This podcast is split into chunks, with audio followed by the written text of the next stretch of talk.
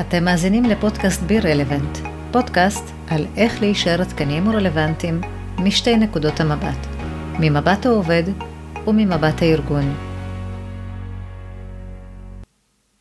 ברוכים הבאים לבי רלוונט, אני אור פלס, ובפרק היום אני מארחת את ChatGPT. האמת שבהתחלה ככה רציתי לעשות פרק שמסביר קצת על מה זה ChatGPT, וגם על הגרסה החדשה שיצאה ממש לפני כמה ימים. וכבר ככה התחלתי לחשוב על כל מיני נקודות שעליהן אני רוצה לדבר, ואז קפץ לי רעיון.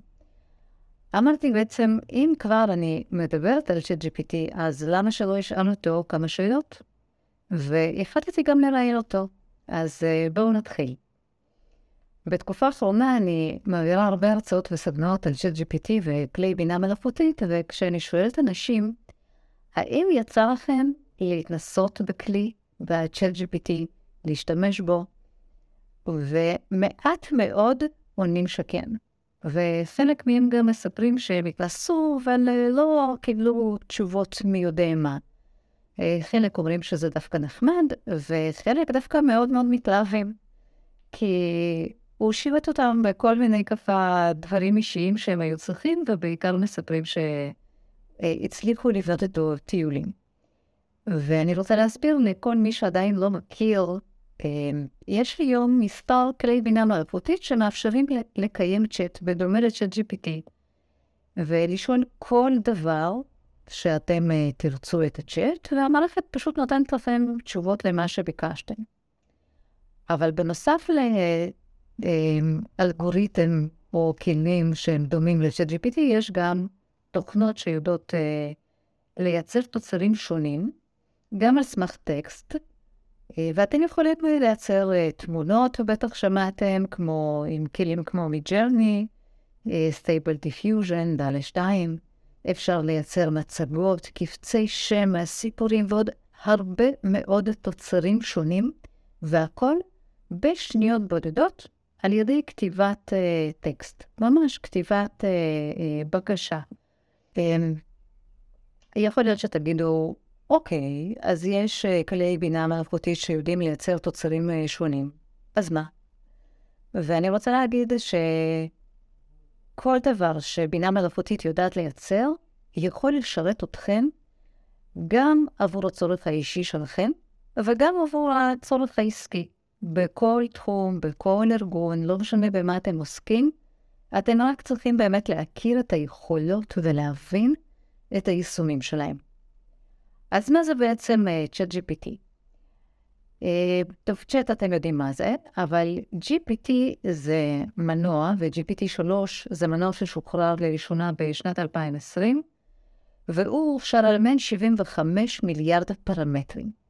ובנובמבר 22, חברת OpenAI שחררה כלי שנקרא ChatGPT, שהפך לוויראלי והגיע תוך חמישה ימים למיליון משתמשים.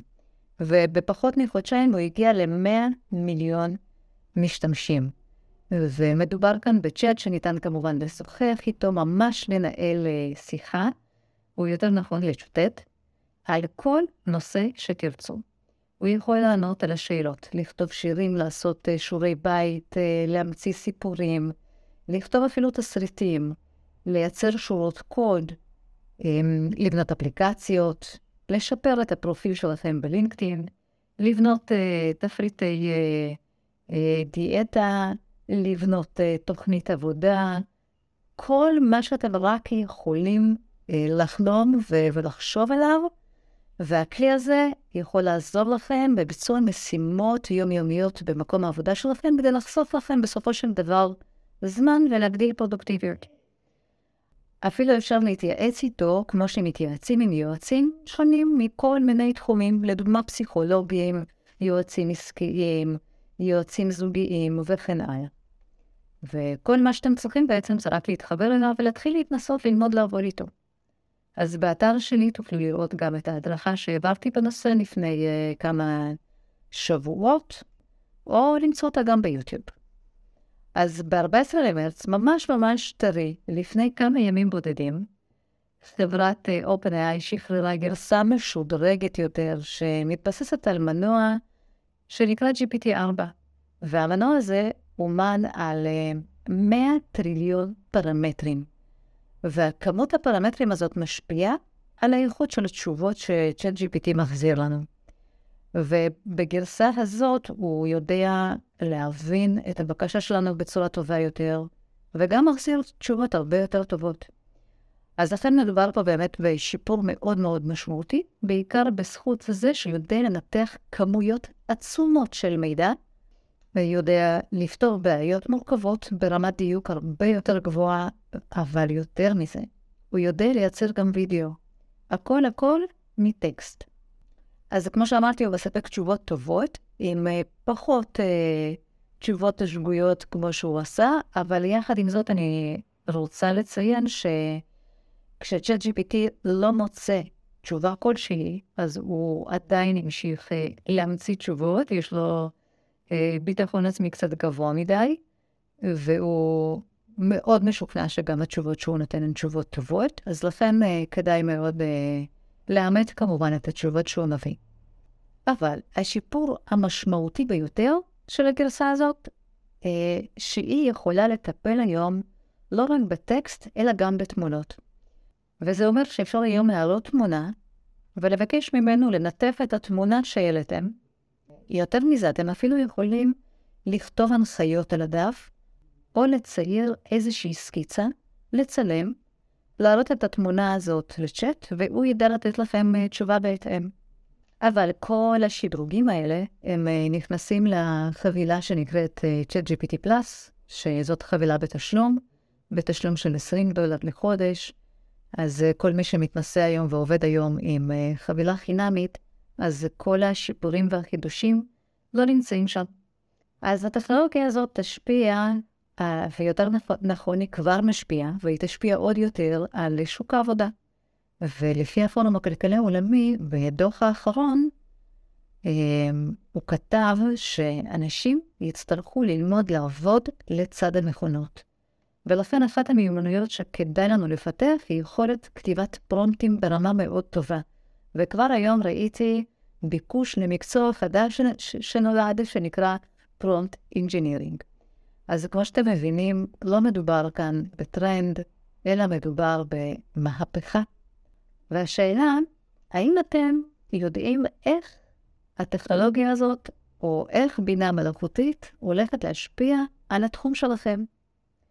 אז אם אתם uh, מרגישים מאוד מאוד מאוד בטוחים, כדאי לכם לפתוח את העיניים, ואני ממליצה לשאול את הצ'אט GPT איך הוא הולך להשפיע על המקצוע שלכם. אבל אם תשאלו אותו האם הוא הולך להחליף את המקצוע שלכם, הוא יענה לכם בביטחון מלא שלו כמובן, ויסביר שהוא כאן כדי לעזור לכם, לשפר את תהליכי העבודה שלכם, אבל לא להחליף אתכם. זה כמו ששאלו אותו האם הוא מתחרה של גוגל, אז uh, הוא ענה שלא, מה פתאום? הוא סוג של פוליטיקלי קורקט. אז ברור ש-OpenAI לא רוצים לייצר פאניקה, פחד, ולכן אה, שאלת השאלות זאת באמת מיומנות מאוד מאוד חשובה, וכדאי לשאול איך הוא בדיוק משתלב בתעשייה שלכם, או בתחום הידע שלכם, כדי uh, להבין מה אתם צריכים לעשות בשביל זה. אז אחרי הקדמה ככה קצרצרה על uh, ChatGPT, החלטתי, כמו שאמרתי, לראיין אותו, ובמקום לחשוב על מה אני הולכת לשאול אותו, אני פשוט אבקש ממנו לנסף את השאלות, וכתבתי לו בשורת הפרומפט, בשורת ההנחיות, אה, שאני רוצה לארח אותו בפודקאסט שלי, ואיזה שאלות היית ממליץ לי לשאול אותך. אז הוא נתן לי כמובן רשימה של שאלות, אבל אז אמרתי לעצמי, רגע, רגע, ההנחיה שלי לא הייתה מספיק מדויקת.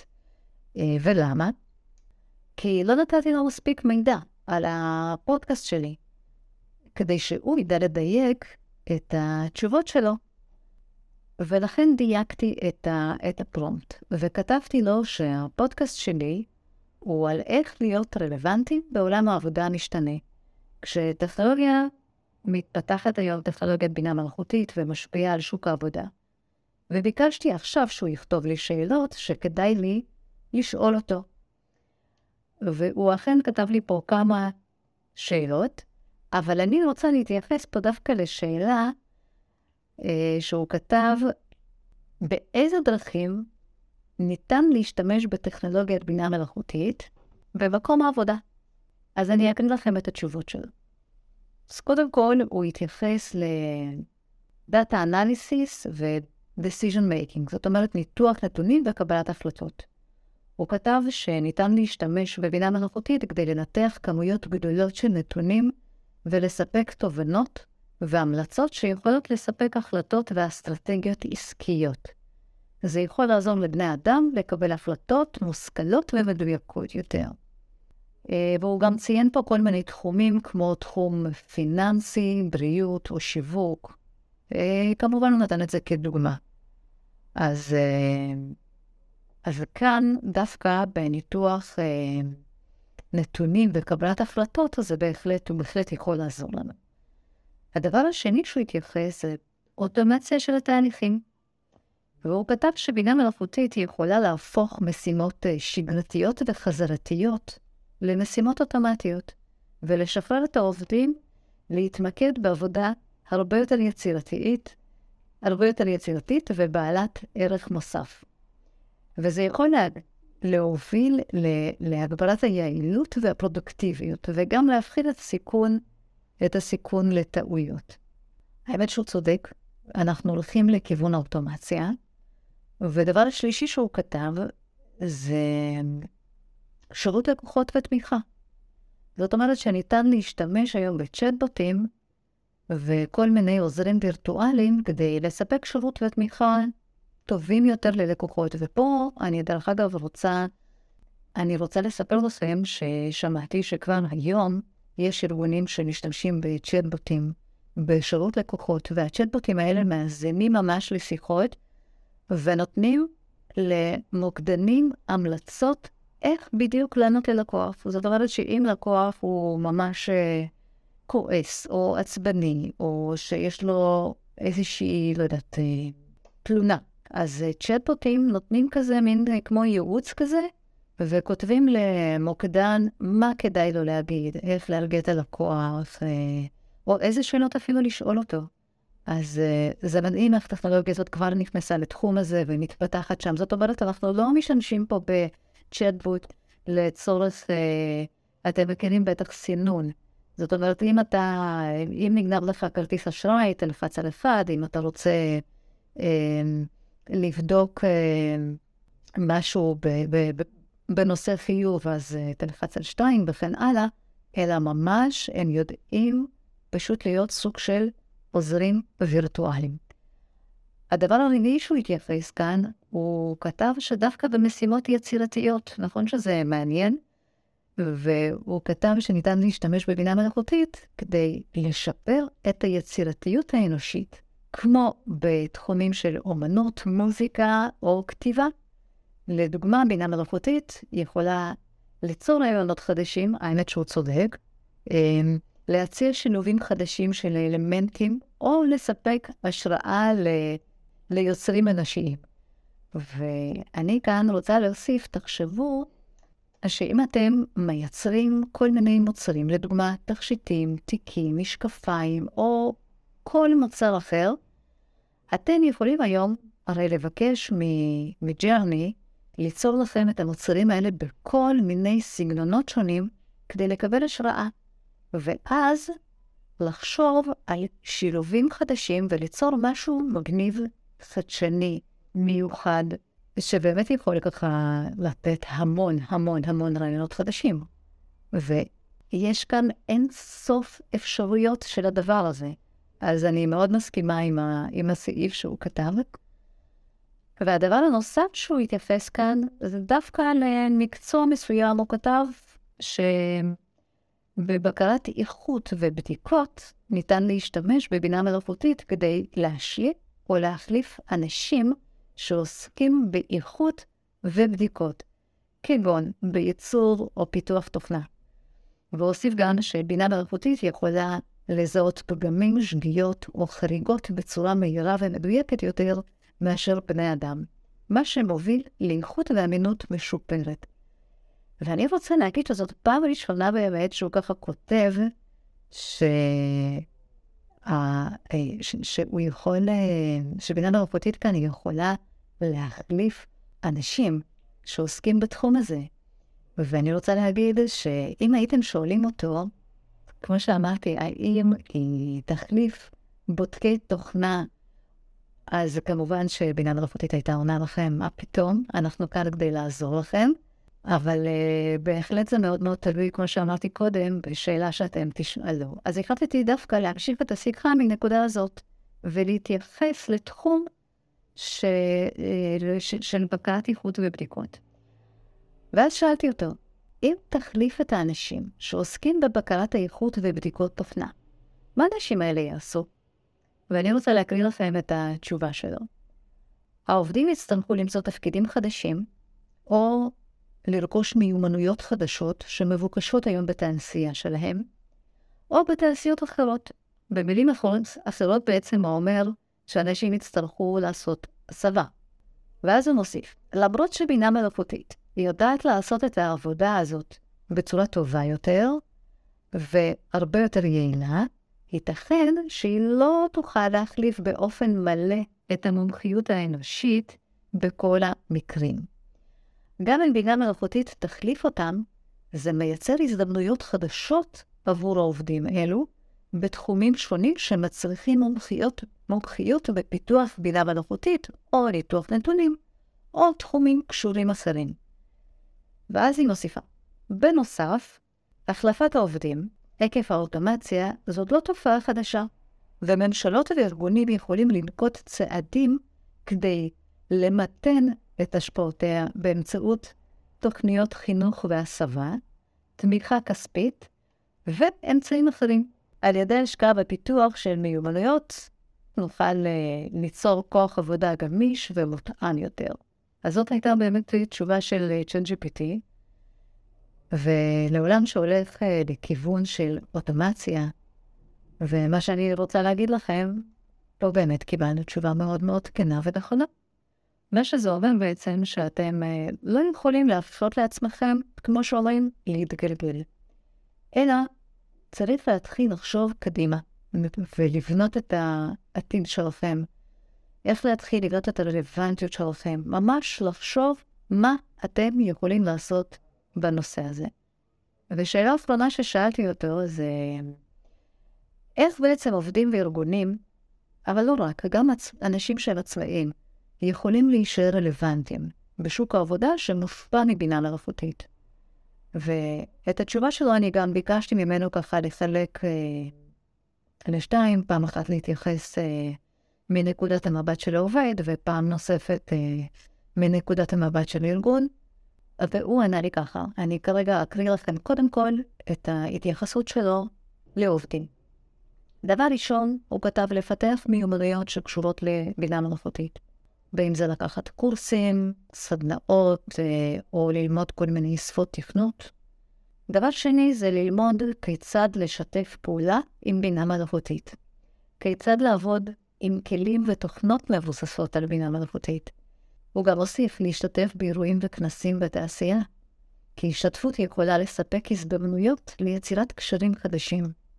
אפשר גם ללמוד על מגמות והחידושים האחרונים בתחום של בינה מלאכותית, להכיר שיטות עבודה מומלצות וטכנולוגיות מתפתחות.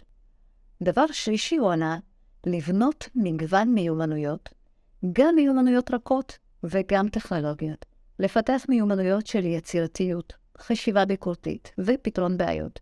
זה יכול להפוך עובדים לסטגלנים יותר, אה, שיכולים להתמודד עם אתגרים חדשים במקום העבודה. והדבר הרביעי שהוא הוסיף פה זה לאמץ למידה לכל החיים. האמת שכל ארבעת הסעיפים שהוא דיבר עליהם הם אכן סופר חשובים. אה, אני מדברת עליהם עם האורחים שאני מארחת בפודקאסט, וכל פעם אנחנו ככה נוגעים אה, אה, בכל הדברים האלה. והתשובה שלו לגבי הארגונים, אז הוא כתב ככה: ארגונים צריכים להשקיע בפיתוח מוצרים ושירותים מבוססי בינה מלאכותית, שיכולים ליצור ערש ללק... ללקוחות ולבדל את עצמם מהמתחרים. גם להכניס בינה מלאכותית כדי לייעל תהליכי עבודה קיימים. דבר נוסף, ארגונים יכולים לשתף פעולה עם אוניברסיטאות או מוסדות מחקר אחרים כדי לשתף אה, פעולה בפרויקטים אה, הקשורים לבינה מלאכותית. הדבר השלישי שהוא הוסיף, זה לטפח תרבות של חדשנות, שמעודדת אה, ניסויים ויצירתיות. הוא כתב פה לתת לעובדים את המשאבים והצמיחה הדרושים להם לפיתוח רעיונות וטכנולוגיות חדשות ויצירת סביבה בטוחה ותומכת לנטילת סיכונים ולמידה מכישלון. וכל כך צודק. דבר רביעי, הוא כתב אה, להשקיע בעובדים שלהם על ידי מתן תוכניות הכשרה ופיתוח במיומנויות ובידע הקשורים לבינה מלאכותית. או תוכניות אה, לפיתוח מנהיגות, שזה נורא יפה שדווקא הוא פה מתייחס גם למנהיגות, שהוא מבין שזאת אחת המיומנויות שנדרשות היום מאוד בכל, תעש... בכל התעשיות. והדבר החמישי שהוא התייחס כאן זה להתעדכן במגמות, טרנדים ושיטות עבודה מומלצות אה, אה, עם בינה מלאכותית. מה אני אגיד לכם? אני חושבת אה, שקיבלנו כאן אה, תשובה מאוד מאוד טובה, ואני רק אה, אגיד לסיכום שאני ממליצה מאוד להתחיל להתנסות אה, ב-ChatGPT, כדי להבין את היכולות שלו ולפתח מיומנות של prompt engineering, שזאת מיומנות שכל ארגון יצטרך, וארגונים יתחילו לחפש אנשים שיודעים לעבוד עם ChatGPT או עם כלי בינה מלאכותית נוספים. אז uh, אם אתם רוצים להזמין סדנת של GPT שמותאמת לצרכים uh, הארגונים שלכם, אתם כמובן יכולים ליצור איתי קשר. ואם אתם תושבי מודיעין והסביבה, אני מזמינה אתכם אה, להרצאת טעימה, אותה אני הולכת להעביר ב-22 למרץ, ביום רביעי הקרוב, בשעה שבע ורבע, בהיכל תרבות במודיעין בעולם 6. ההרצאה הזאת היא ללא עלות, אבל uh, בהרשמה מראש. כמובן שאני אשים uh, קישור להרשמה בתיאור הפרק. Uh, אתם יכולים לראות אותו בכל האפליקציות uh, בהן אתם אתם מאזינים לפודקאסט. ובקרוב אני אעביר מספר סדנאות על uh, ChatGPT לחברי קהילת בי רלוונט, שכירים שרוצים יותר. אז uh, נשתמע בפרק הבא.